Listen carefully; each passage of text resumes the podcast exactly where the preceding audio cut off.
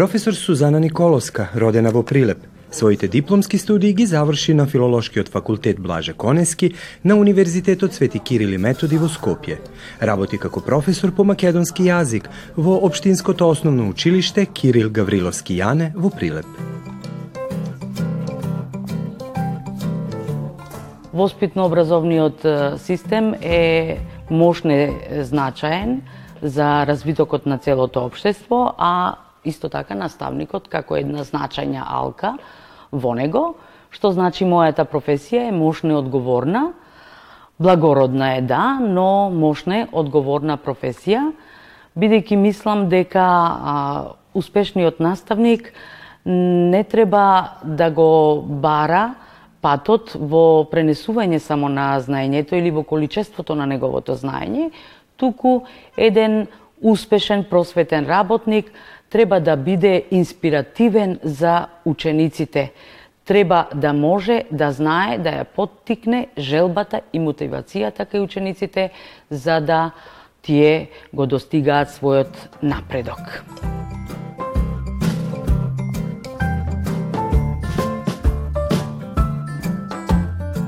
Во секојдневната практика, со право би можела да кажам, бидејќи имам на 25 години работно искуство.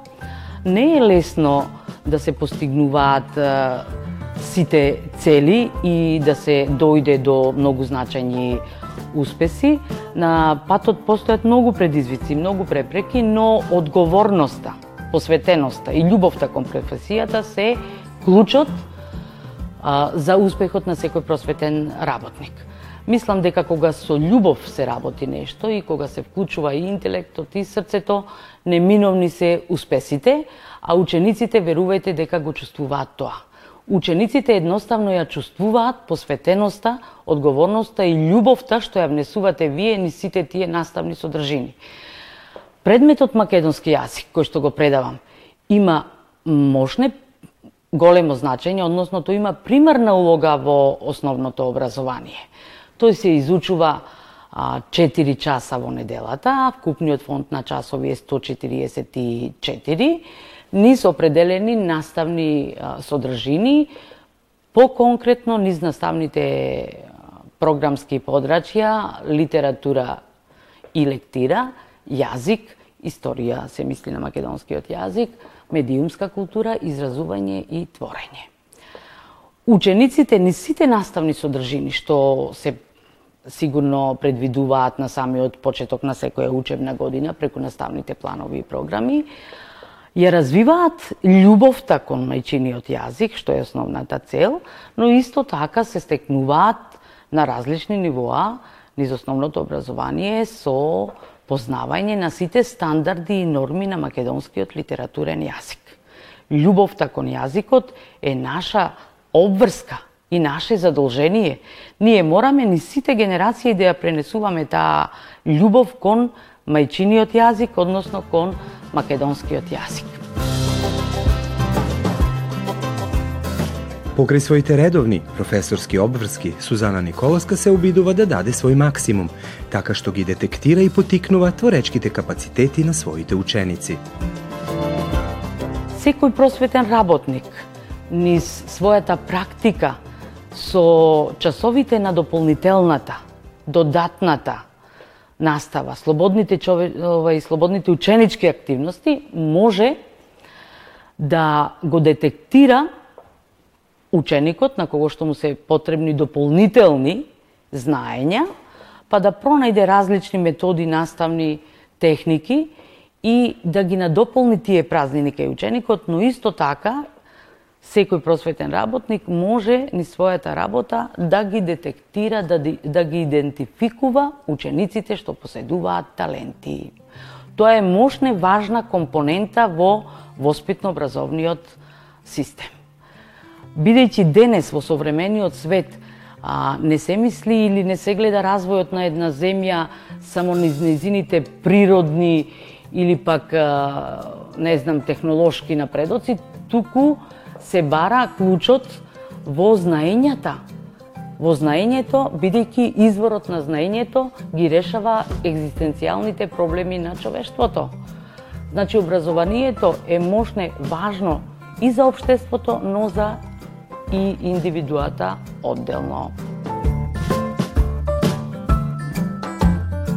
Во мојот работен век, со особена гордост би можела да кажам дека имам над 70 на награди на различни нивоа, на општинско, регионално, државно и меѓународно ниво. Работата со талентираните деца е вистинско задоволство.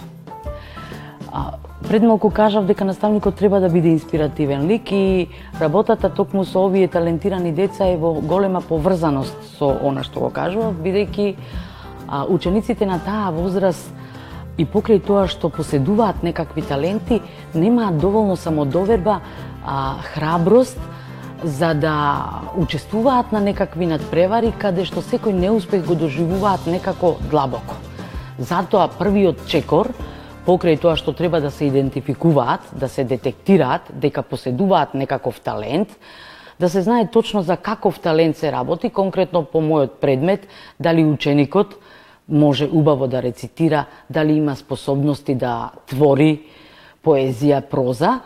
Во согласност со тоа се изготвува една посебна програма за додатна настава со одредени содржини за да може ученикот да напредува, да ги проширува своите знаења. Затоа наставникот со употреба на многу наставни методи, техники, многу иновативен треба да биде за да го, го едноставно охрабри ученикот да се впушти во сето ова, а понатаму ќе се развива тој надпреварувачки дух и кога еднаш во рацете ученикот ќе ја добие посакуваната награда, која ќе го однесете на еден на, на таков настан, тогаш верувајте дека го, го имате тој ученик како на вистина добар а, продукт да кажам, кој што понатаму ќе напредува со силина. Макотрпна и посветена работа секако резултира со голем број на награди и признанија. Кога бев избрана за просветен работник на годината, што ја доделува во чест на учителот 5 октомври Министерството за образование и наука и Сојузот на просветни работници, бев носител заедно со моите ученици на некаде околу 24 награди. Практично во септември започнавме со наградите што ги добивме на меѓународниот надпревар во Нови Сад, на различни фестивали. Живко Стојановски, Душко Трифонович, каде што имавме освоено прво место, и на едниот и на другиот фестивал, па потоа имавме две, втори, трети места и некако со задоволство појдовме на, на доделувањето на тие награди и пријатно бевме изненадени. Доделувањето беше во библиотеката Стеван Сремац. А, имаше една многу пригодна програма и учениците можеа да видат да бидат ете а, директни учесници во таа програма, каде што имавме музика а, споена со рецитирање и чувството беше на вистина пријатно да се биде од целиот дел од целиот тој настан. Потоа продолживме на локално ниво со моите ученици, а, каде што имавме од локалната самоуправа распишани конкурси за хуманост, хуманоста меѓу човечките односи и таму зедовме прво и второ место. Задоволството беше големо, затоа што прв пат во нашата општина постоеше таков конкурс и моите ученици Борис Ночески и Ерика Јовановска беа добитници на тие награди. се рефлектираа тие нивни успеси во локалната средина, меѓу другите ученици како поттики мотивација. Понатаму следуваше месецот на книгата, каде што исто така а, во градската библиотека Борка Талески во Прилеп го освоивме првото место со мојот ученик Борис Ночецки за рецитирање. Потоа следуваше наградата во ораторство, за која што исто така добивме второ место. И веднаш потоа следуваше а, наградата во Скопје на од фондацијата Никола Клюсев, што беше на вистина една од највисоките, најпрестижни награди. Темата беше Творам за Македонија, а мојот ученик доби а, награда 4 годишно стипендирање на приватното училиште Саба. Тоа беше вистински поттик да се продолжи по тој пат на успехот и заеднички тоа го правевме. Па потоа следуваше фестивалот во Мостар. А, за овој фестивал морам да кажам дека е мощно интересен и посебен некако во целиот регион, бидејќи има една многу силна организацијска поставеност. Мостар ги повикува сите учесници со широко расширени раце. И им нуди на вистина прекрасен престој. Сместување, им нуди многу дружење, многу соработка. А, во, на тој фестивал, кој што трае три дена во Мостар, мојот ученик ги импресионира сите присутни. На жири комисијата и се обрати посебно со зборовите еве тука ние се собравме од целиот Балкан најдобрите во името на сите оние стари добри времиња и така натаму да доби силен аплауз и мене верувајте толку пријатно ме изненади со неговата постапка, со ете таа негова креативност што во тој момент а, најде соодветни зборови Бевме а, фаворити на фестивалот. Минатата година имавме втора награда, тогаш со Борис добивме трета, но а, настанот ќе го помниме на вистина многу долго, затоа што а, вистински бевме испочитувани од сите учесници.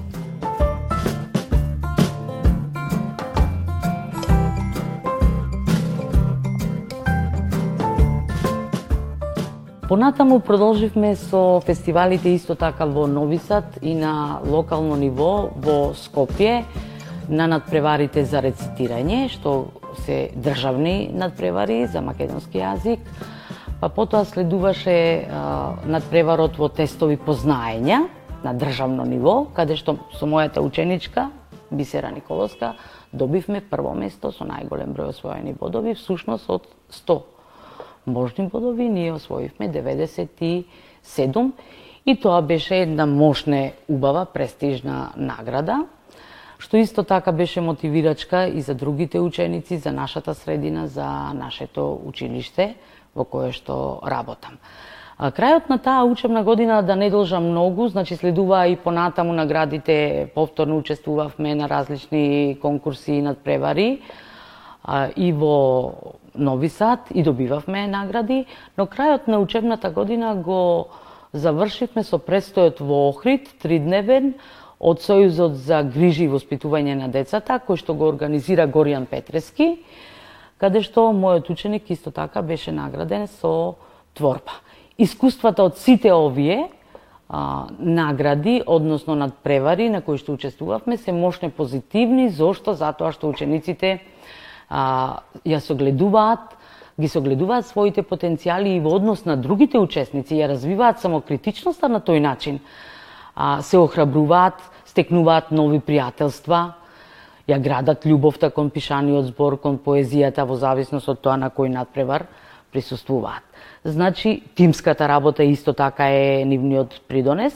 Значи, во, во сета таа работа во која што се вложува многу труд, верувајте, на вистина, за да бидете инспиративен лик, а, реков, не е доволно да поседувате само знаење. Не е доволно нити да го знаете начинот на кој што ќе го пренесите тоа знаење. Треба да ја претворите едноставно училницата во некое волшебно место каде што децата ќе се чувствуваат пријатно и каде што на некој многу лесен и прифатлив начин за нив треба да му ги пренесете знаењата. Да ја имате нивната доверба и се разбира взаемна почит. Уште на првиот час јас им кажувам дека ја почитувам нивната личност. Иако се мали, тие се личности, јас ја почитувам нивната личност, им ги кажувам моите принципи, да и принципиелноста на наставникот е мощна и важна. Тие мора да знаат точно она што вие сакате, што очекувате. Мора да ги знаат вашите очекувања за да се движат во таа насока во тој правец. Професорка Сузана Николовска ја доби и наградата 3 ноември за достигнување во областа на образованието, доделена од Обштина Прилеп. Кога снеке наградите, морам да ја споменам и трето ноемвриската награда, која што е највисоко признание, што ја доделува мојот роден град и таа е за мене од особена важност и чест. Третоноемвриската награда, што ја доделува градот Прилеп, ја добив за особени достигања, за посебни достигнувања во образованието. На вистина, тоа е и уште една голема обврска да се продолжи по овој пат на успехот. На вистина се трудам да продолжам по тој пат. Учествувам постојано на многу во многу проекти над превари. Бев дел од тој меѓународен проект што го организира вашите Желјана Лукич Радојчич и нашата Весе Весела Богдановиќ. Всушност, веднаш по добивањето на овие две награди бев избрана и како член на Асоциацијата на најдобри наставници во регионот. Што на вистина представуваше а, посебна чест и посебно задоволство да се биде од еден таков тим каде што се препознава таа енергија а, на иновативност, на креативност. Околу доделувањето на трето ноемвриската награда би сакала да споменам само еден момент.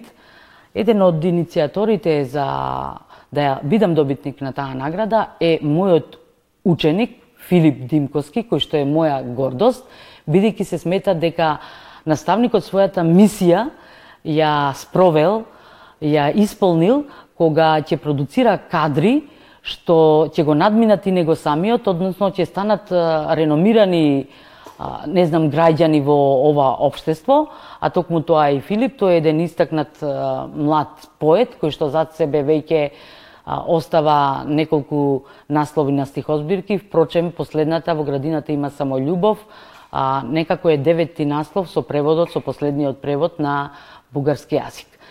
Тој не можеше да дојди на доделувањето на трето ноемвриската награда, бидејќи беше зафатен со многу своји активности, имаше некаква турнеја низ Балканот, но а, ми прати една порака во која што ми кажа, наставничке, јас не бев со вас на доделувањето на наградата, но јас бев таму некаде меѓу публиката, меѓу аплаузите и се радував и ја споделував среќата заедно со вас. Навистина сум многу горда што од мојата генерација, од моите училишни клупи излегле вакви ученици и не само Филип, туку и многу други ученици кои што продолжиле со литература, со нивното, нивната а, талентираност да ја надоградуваат, да бидат автори на збирки поезии, на прозни творби, тие се на вистина мојата сатисфакција. Бидејќи сум успеала да ја пренесам, да бидам инспиративен лик и да ја пренесам таа љубов кон литературата воопшто, кон мајчиниот јазик.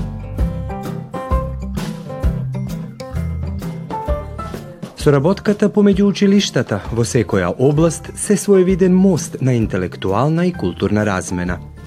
Во поглед на соработката со други училишта надвор од нашата земја, би сакала да истакнам дека нашето училиште вложува напори да воспостави соработка со а, наша колешка Снежана Алексич, која што од Нови Сад, која што беше и наша гостинка, прочем со промоција на своите книги на таа промоција, да, заедно со моите ученици, имав можност да учествувам и да го запознам незиниот стил на пишување. Па мислам дека нашето училиште е во текстот тие преговори за соработка, но без разлика таквите соработки, таквите мостови на соработки треба да се градат многу позасилено, да бидат почести. би сакала како некаков предлог во надпреварите по македонски јазик, вашите учениците од вашата заедница да можат на некој начин овие надпревари да им бидат достапни и да учествуваат во категоријата а, ученици чиј што а, јазик а, не, не се изучува задолжително во наставата, туку како изборен предмет. На тој начин мислам дека ќе се засилува и подсврсто ќе се гради љубовта кон мајчиниот јазик, посебно македонскиот јазик се наоѓа во периодот и ова прашање за изучувањето на македонскиот јазик е мощно и сензитивно. Ние да се надеваме дека а, понатаму а, македонскиот јазик ќе го најде местото во европското семејство, во големото европско семејство. Јазикот е дел од идентитетот на секој народ. Мајчиниот јазик е нашиот корен и нашата душа, нашето јас. Јазикот е најсовршеното средство за општење и комуникација во писмена и усна форма и преку него се пренесува традицијата и обичаите на еден народ. Затоа нашата должност е да го чуваме и негуваме, да ја познаваме неговата историја, да говориме и твориме според неговите стандарди и да го продолжиме делото на Мисирков и Блаже Конески, додава професорка Сузана Николовска.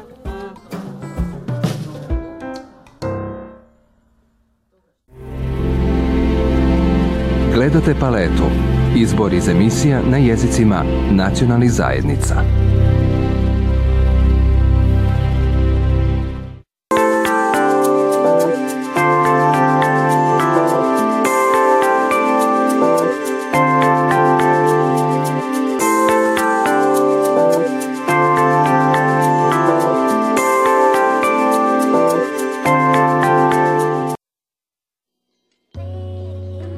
Сдружение на македонците во Моравичкиот округ Даме Груев по повод 23 октомври, денот на македонската револуционерна борба, ги организира Денови на македонската култура во Горни Милановац под името Ние за својот град.